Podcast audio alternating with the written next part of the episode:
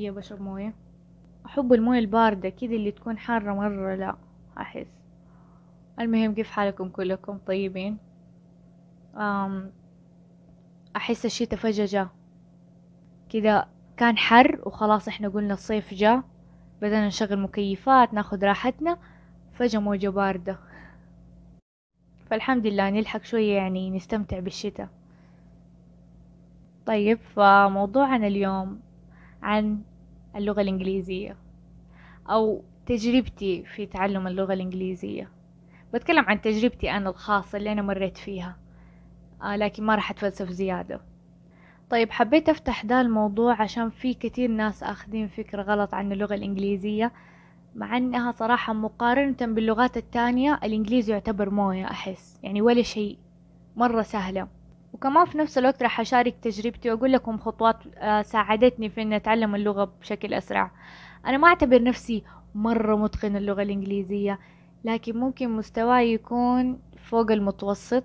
يعني في مبتدئ متوسط أنا فوق المتوسط. ما أدري إيش قاعدة أخرب بس يعني أتمنى تكونوا فهمتوني.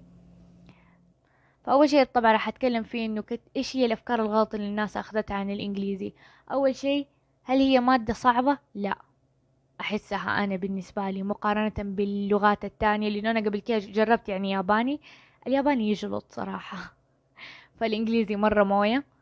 وتاني شيء هل الواحد يقدر يدرس آه، في البيت بنفسه؟ إيوه يقدر. لا تحتاج لك معهد ولا تروح تسافر في الخارج ولا حاجة. فأحس الموضوع بس يحتاج له يعني إصرار وعزيمة. يعني الواحد لا يحط نفسه يقول لا أنا مستحيل أتعلم في البيت. واحد لا يحط في دماغه لا أنا لازم يبغالي يا أروح أسافر في الخارج ولا معهد وتكون مبالغ. فدحين راح أقول لكم طبعا الخطوات اللي أنا استخدمتها وساعدتني في إني أتعلم الإنجليزي. آه أول شي طبعا بالنسبة للقواعد عشان أنا القواعد كانت مرة صعبة بالنسبة لي وما كنت أستوعبها فأخذت لي القواعد الأساسية بس الأساس اتعلمته. يعني آم التعريف حروف العلة الجمع والمفرد. كيف أكون سؤال مرة حاجات بسيطة اتعلمتها ترى ما أدري طريقتي صح ولا غلط لكن أنا هذه الطريقة اللي نفعت معايا. فطبعا تاني شيء سويته إنه بدأت أتعلم الكلمات الأساسية. يعني كنت أنا أروح لليوتيوب وأكتب أهم مية كلمة في اللغة الإنجليزية. وزي كده أخذ هذه الكلمات أحفظها أتعلم طريقة كتابتها وأعرف معناها. لأنه طبعا هذه المرحلة مرة ضرورية إنه الواحد يجمع كلمات. لأنه يعني أنت كشخص جديد تبى تتعلم لغة فلازم تجمع لك كلمات عشان تبدأ بعدين قدام تكون جمل تبدأ في المحادثة زي كده. وهذه الخطوة الثالثة اللي سويتها إني بدأت هذه الكلمات اللي اتعلمتها أركبها في جمل وبرضو أتدرب عليها. طيب فبعدها بدأت بالاستماع. عشان أنا يعني عندي كلمات بس برضو أنا عندي مخزن أبغى أجمع فيه كمان كلمات زيادة. فبدأت بالاستماع كمان مرة فادني. فطبعا في البداية أول حاجة بدأت أسمع قصص أطفال. من جد يعني عشان مرة تكون كلماتهم بسيطة وأقدر أستوعبها. وحاولوا تدوروا على يعني شخص لما يبي يتكلم إنجليزي بيقول لكم القصة يتكلم بطيء أقل من مهله عشان تستوعبوا الكلمات تدخل في دماغكم. فتبدأوا يعني تسمعوا قصص أطفال حسيتوا بدأتوا تستوعبوها الكلمات بدأتوا تفهموها بعدها بدأوا ينتقلوا لمستوى أصعب.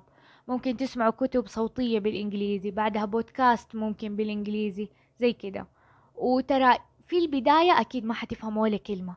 بس يعني خليكم صبورين مع نفسكم وعادي مو مشكلة لو إنكم سمعتوا قصة مدتها عشر دقايق وفهمتوا كلمتين ثلاثة مو مشكلة. أعتبروه إنجاز. بس إنه خليكم مستمرين على الاستماع. طيب بعدين بعد ما جمعت لي كلمات بدأت بسبيكينج اللي هو التحدث خلاص أبدأ أتكلم. جمل بسيطة مو مشكلة يعني أنا أحيانا كنت أسوي حركة وقت ما أنا بغسل صحون بأشتغل برتب كنت زي كده أبدأ أتكلم مع نفسي أتخيل إني أنا في لقاء ولا في حد بيسألني أسئلة. وزي كده أجاوب على نفسي. عادي خليكم زي المجانين. بس إنه يعني فادتني. وفي ممكن في تطبيقات تسهل ده الموضوع من ناحية سبيكينج تقدروا تدخلوها وتستخدموها وتتمرسوا عليها. وفي حاجة كمان كنت سويتها حاجة مرة فادتني. أتوقع كنت أخذتها من قناة في اليوتيوب. إيش اسمها؟ هي أدور اسمها. أيوة اسمها قناة دليلك للآيتلس. آه كنت شفت فيها مقطع. كانت عبارة عن ساعة مسمينها ساعة تطوير الإنجليزي. كانت هي ثلاثين دقيقة استماع قصص أطفال بودكاست أي حاجة.